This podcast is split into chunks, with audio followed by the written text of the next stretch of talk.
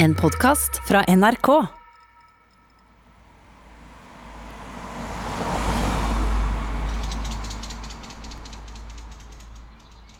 Jeg har parkert bilen min i en stille gate på Berg i Oslo. Det har gått ett år siden Tobias døde. Livet er mer normalt nå i det grå huset der Nadina, Harald og treåringen deres bor. Hei, hei. Kom igjen. Takk. Vil du ha kaffe? Gjerne god kaffe. Jeg kommer inn i en lys stue. Langs den ene veggen står kasser med storebrors kosebamser og plaster, og ved den åpne verandadøra en sprinkelseng og et lite sjørøverskip. Nadina er ute på terrassen og ordner noe, mens Harald står ved kjøkkenbenken og trakter kaffe. I vinduskarmen ved siden av ham står et lite, innramma bilde av Tobias. Han har store, mørke øyne og en liten sonde inni nesa. Hvordan går det med dere nå? Jeg syns det går bra. Det gjør det.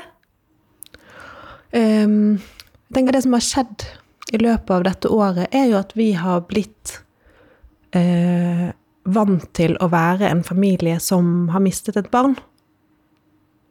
At man liksom er forsont med at det har skjedd. Tobias han fortsetter jo å være med oss, da, med det bildet av han som står i vinduskarmen, og, og storebror som snakker om han. Og vi som Og vi snakker om han også. Så kanskje man må gråte en skvett når man tenker på noe om Tobias. Eller vi snakker om noe som skjedde på sykehuset, og så blir en av oss litt lei seg. Men så er man liksom blitt vant til at ja, men sånn er det, og så, går, og så, og så er man ferdig med å gråte, og så er det noe annet som skjer. Vet du hva jeg syns er deilig? Jeg glemmer, glemmer det. Jeg glemmer hva som skjedde. At du glemmer det. Jeg har glemt så mye. Det er bare blitt en sånn Blitt mer og mer fjernt for meg, alt det som skjedde der oppe. Og det, og det er bra, mener du? Ah, det er deilig. Ja.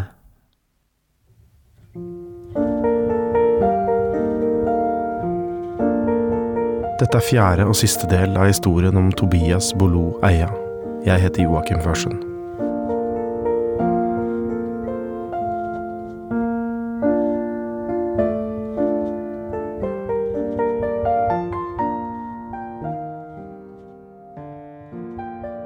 Når, begravelsen er over, minnestunden er over, alt er over, da stilner jo alt, da. Da kjenner jo man egentlig, i hvert fall kjente jeg, ordentlig på hvor utrolig redd jeg hadde vært.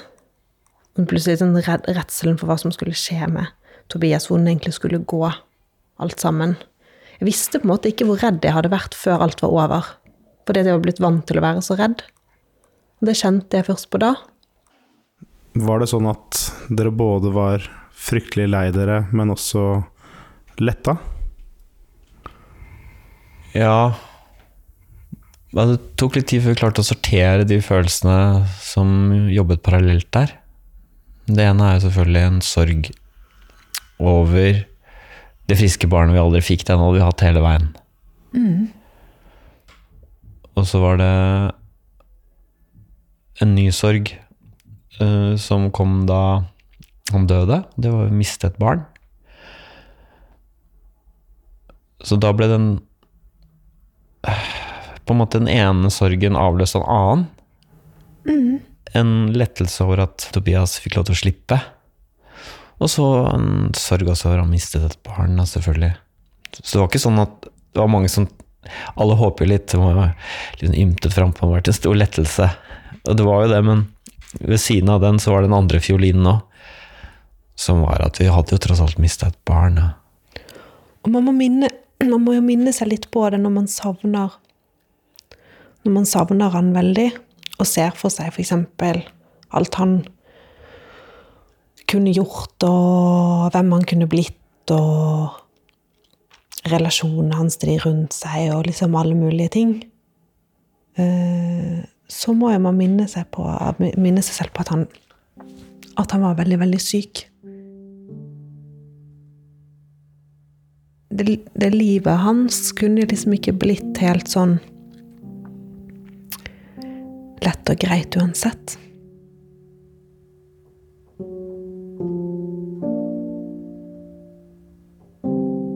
Vi var hos psykologen, eh, og hun sa at vi burde gjøre én hyggelig ting hver dag. Fra begravelsen og framover? Ja. Etter at Tobias døde, så burde vi gjøre én hyggelig ting hver dag. F.eks. gå et sted og spise lunsj. Sånn, Nei, det pleier vi å synes er hyggelig. Og så sa hun at det er ikke sikkert at du blir glad av å gjøre de tingene nå, men du skal bare følge det slavisk og gjøre en hyggelig ting hver dag. Og så en eller annen dag så syns du plutselig at det er hyggelig igjen. Var det sant? Ja, det var sant. Tre dager etter begravelsen hadde Nadina bursdag. Harald er normalt ikke så opptatt av voksenbursdager, men nå, med den nye planen om å gjøre noe hyggelig hver eneste dag, bestemte han og storebror seg for å stelle i stand litt ekstra. Bisettelsen til Tobias var på en fredag, og så kom mandagen hvor jeg hadde bursdag. Så da kom de ned, Harald og storebror, og sang bursdagssang og hadde ballonger og kake, og så satt vi i sengen og spiste det. Var det hyggelig? Ja. Jeg ble veldig mm, rørt. Det gikk noen uker etter det igjen. Da vi skulle sette ned urnen, så står det på urnen når vedkommende er kremert. Og så var det på bursdagen min. Og det er sånne ting som da Det, for eksempel, det ble jeg så lei meg for. At jeg hadde hatt bursdag og spist kake og sånn, mens han ble kremert. Jeg trodde han ble kremert den dagen bisettelsen var. Ikke Ja, og så var Ja, så lå han alene den helgen og bare ventet på å bli kremert. Jeg tenkte utrolig mye på det, at han lå alene den helgen. Og at jeg hadde bursdag den dagen som han ble kremert. Hva er det for et opplegg, liksom? Hvem i all verden er det som setter de to tingene sammen på samme dag? Og det har jeg tenkt på i ettertid, at det er litt bra at ikke At jeg på en måte vet at han, at han bare er støv, på en måte. Fordi um, jeg savner han så mye at hvis jeg hadde visst at den kroppen var et sted, så, så tenker jeg noen ganger at det hadde jeg blitt Da hadde jeg hatt veldig lyst til å grave han opp igjen, eller hatt den i frysen eller noe. Jeg savner han så mye. Så noen ganger hvis man tenker sånn Å ja, nå holder jeg på å bli ko-ko, nå, nå, nå, savner jeg liksom det, den der fysiske nærheten med den lille kroppen så mye. Så er det jo litt bra å huske at den, men den, den kroppen, den finnes ikke. Det går ikke an. Det går ikke an å, å kose med den noe mer. Det går ikke an å grave den opp. Var du redd for å bli ko-ko, eller? Ja, jeg har vært masse redd for å bli ko-ko. Jeg har vært redd for å bli ko-ko siden han ble født. ja, men, ja, men, virkelig, det var noe av det som jeg var Jeg tenkte at dette Nå, sånne ting som dette er det som gjør at det Nå, nå klikker det, liksom. Nå, det er sånne ting som dette som gjør at folk blir innlagt. Nå blir, man, nå blir du aldri deg selv igjen. Hvis han dør, så blir du ikke deg selv igjen. Hvis det og det skjer, så kommer du til å bli helt ko-ko. Men um, Men jeg ble ikke det. Og så har jeg også behov for å si, liksom, fordi vi har jo Storebror er jo oppi alt dette, og han har jo da toåringens kraft. Og den er jo magisk. Så det å være i sorg er jo liksom ikke det samme som å være deprimert, at det er sånn slør som legger seg overalt og fargelegger alt. Sorgen går liksom som, som et sånn parallelt spor. Sammen med alt det andre vanlige. Så jeg synes det å kjenne Han var den eneste som hadde sånn kraft som gjorde liksom at da jeg var sammen med han, så var det, det var ekte tull, liksom. Det var ekte latter, og det var ekte jeg har, jeg har, ikke lyst til at han skal tenke at han i den perioden måte vokste opp i en sånn med en sånn sørgende mor. For det, ja, det hadde han, men, men den mammaen var også full av tull, for man har, man har liksom begge Man har begge deler. Det var ikke, det ikke falskt. Jeg har ikke latet som Jeg har ikke latet som sammen med han.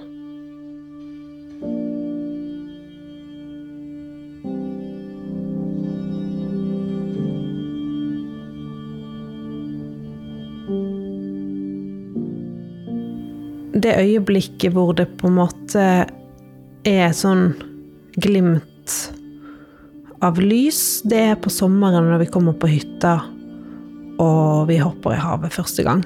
Da er det liksom at det er så kaldt. Jeg bare husker det der kalde mørket, og hodet går under, og du er vektløs, og at alt sammen bare er borte bitte litt. Og så hodet opp, og der kommer lyset, og der er sommeren. Eh, og det, nå er vi på vei i riktig retning. Da tenkte du at uh, dette kommer til å gå bra? Ja, dette kommer vi til å klare.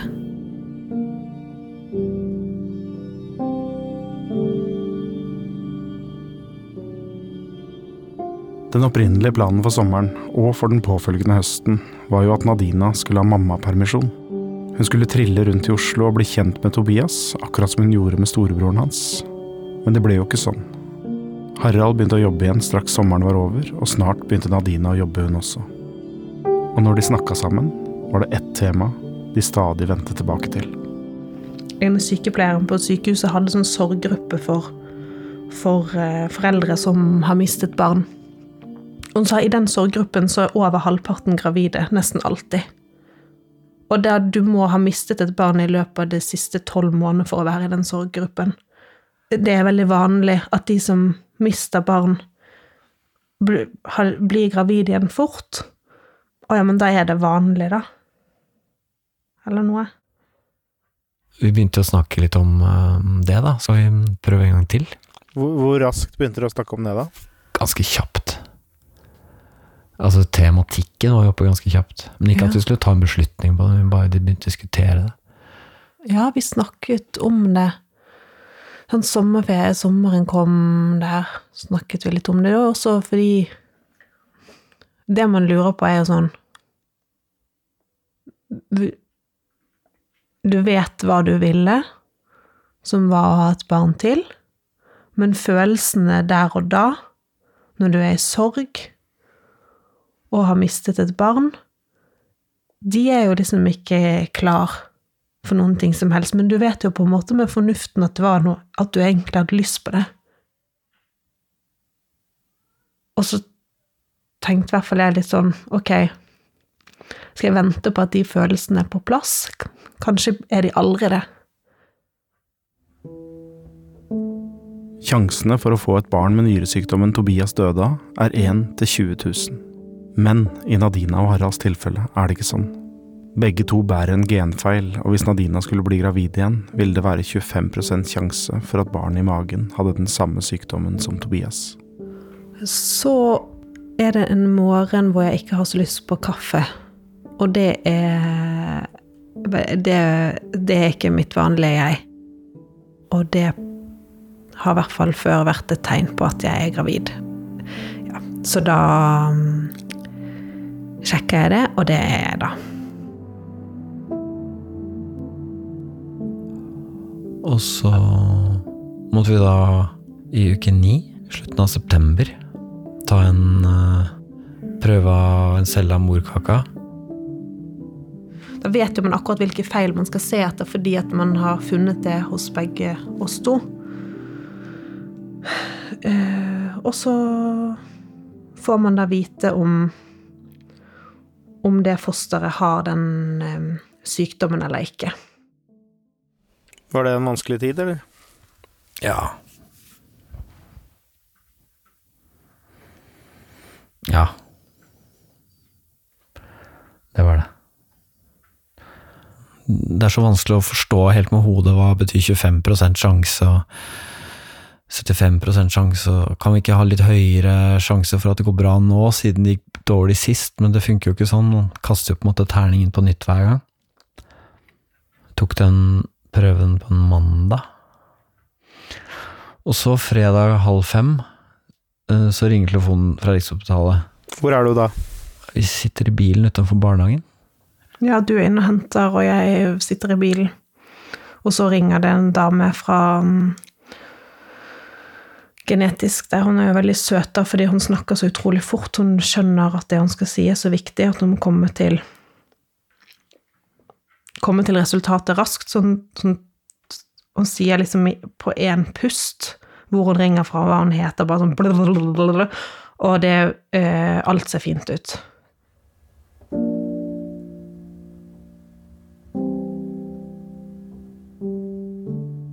Og da var du aleine, var Harald inne i barnehagen? Ja. Kom han ut, og så fortalte jeg det til han. Hvordan var det, Harald?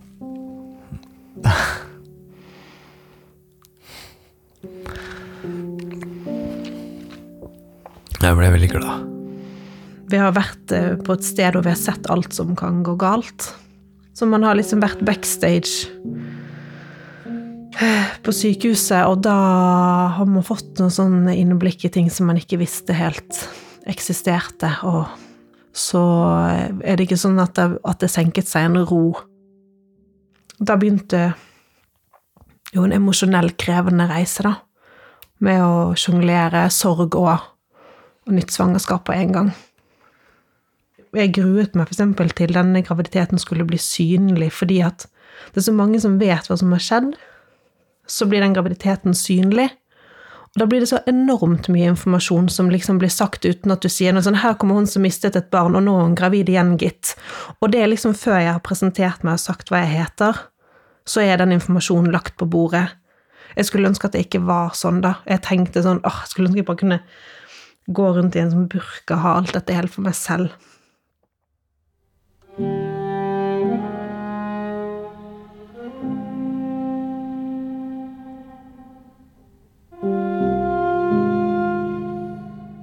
Svangerskapet gikk som det skulle. Det blei vinter, og det blei vår. Og så kom han. Og nå åpner han øynene borti sprinkelsenga ved verandadøra. Hei. Har du sovet sånn? Ja. Er du så blid? Nadina og Haralds tredje sønn ble født den 20. april på Rikshospitalet, han også. Han er frisk og blid.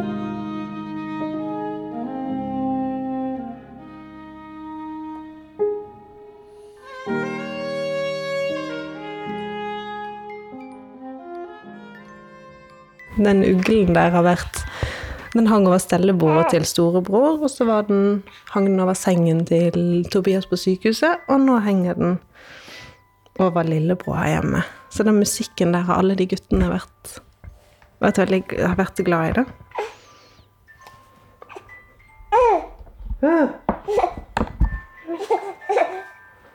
Men det er musikken din. Er du glad for at dere var såpass raske med å, å få et nytt barn? Ja, jeg tror Ja, for Jeg er i hvert fall veldig glad for at han her er liksom med. Altså sånn Ja, fordi Hva skal jeg si? Det, jeg er jo kjempeglad for han her lille her. Det er liksom ikke sånn at den ene opplevelsen eh, kaster en skygge over den andre, eller at den, det å få et nytt barn fjerner sorgen over Tobias. Det er liksom to, det er to forskjellige ting, og de, og de eh, De eksisterer side om side i livet, da. Så mm, jeg syns det går fint å sjonglere de tingene der. Nei, det, det er bare, nå er det bare skikkelig koselig.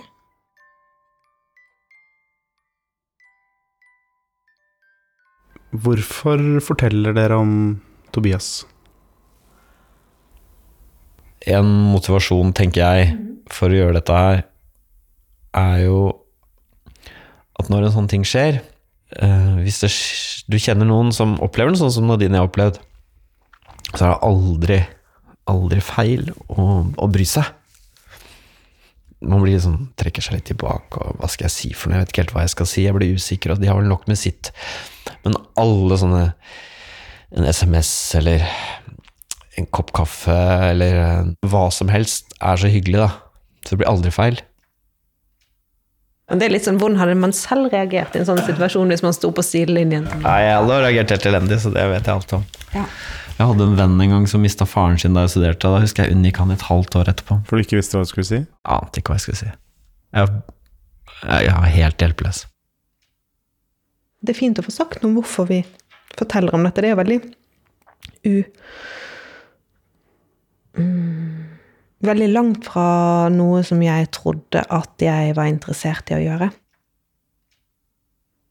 Men det jeg vet, er jo at um, da vi var midt oppi dette, og så vondt som som jeg hadde det da, så var jeg helt sånn desperat etter at noen liksom kunne fortelle meg noe om hvor liksom Har noen vært i noe lignende?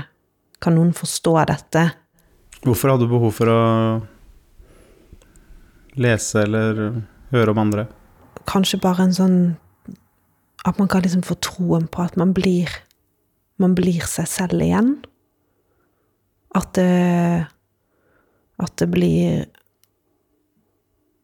Man liksom Det går an at sånne ting skjer, og så blir, og så blir ting fint igjen.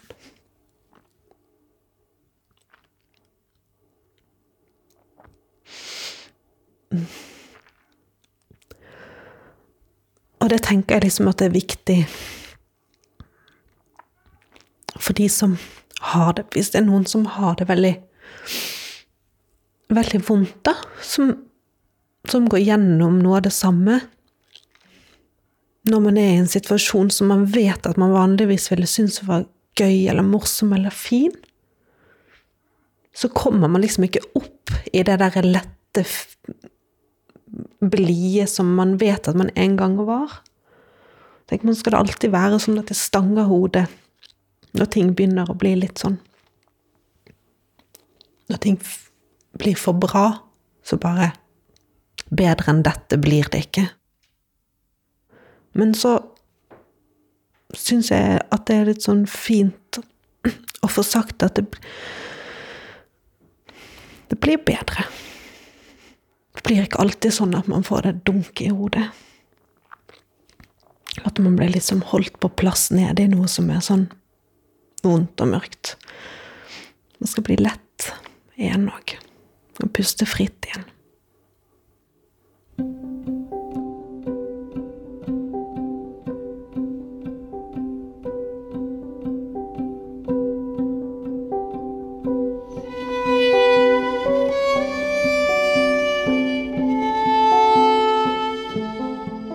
Dette var fjerde og siste del av historien om Tobias. Denne podkasten er laget av Sigurd Øygarden Fleten, Kine Jeanette Solberg og meg, Joakim Førsund. Den er produsert av Monster for NRK. All musikk er ved Ola Kvernberg. Redaktør i NRK er Mirja Minyares.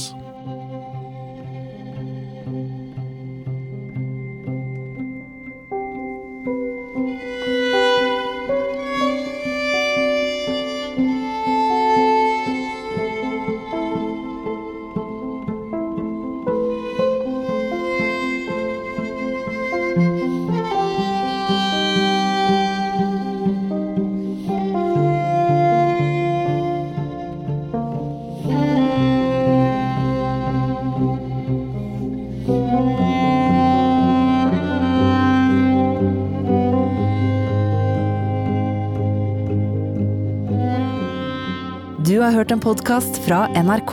Hør flere podkaster og din NRK-kanal i appen NRK Radio.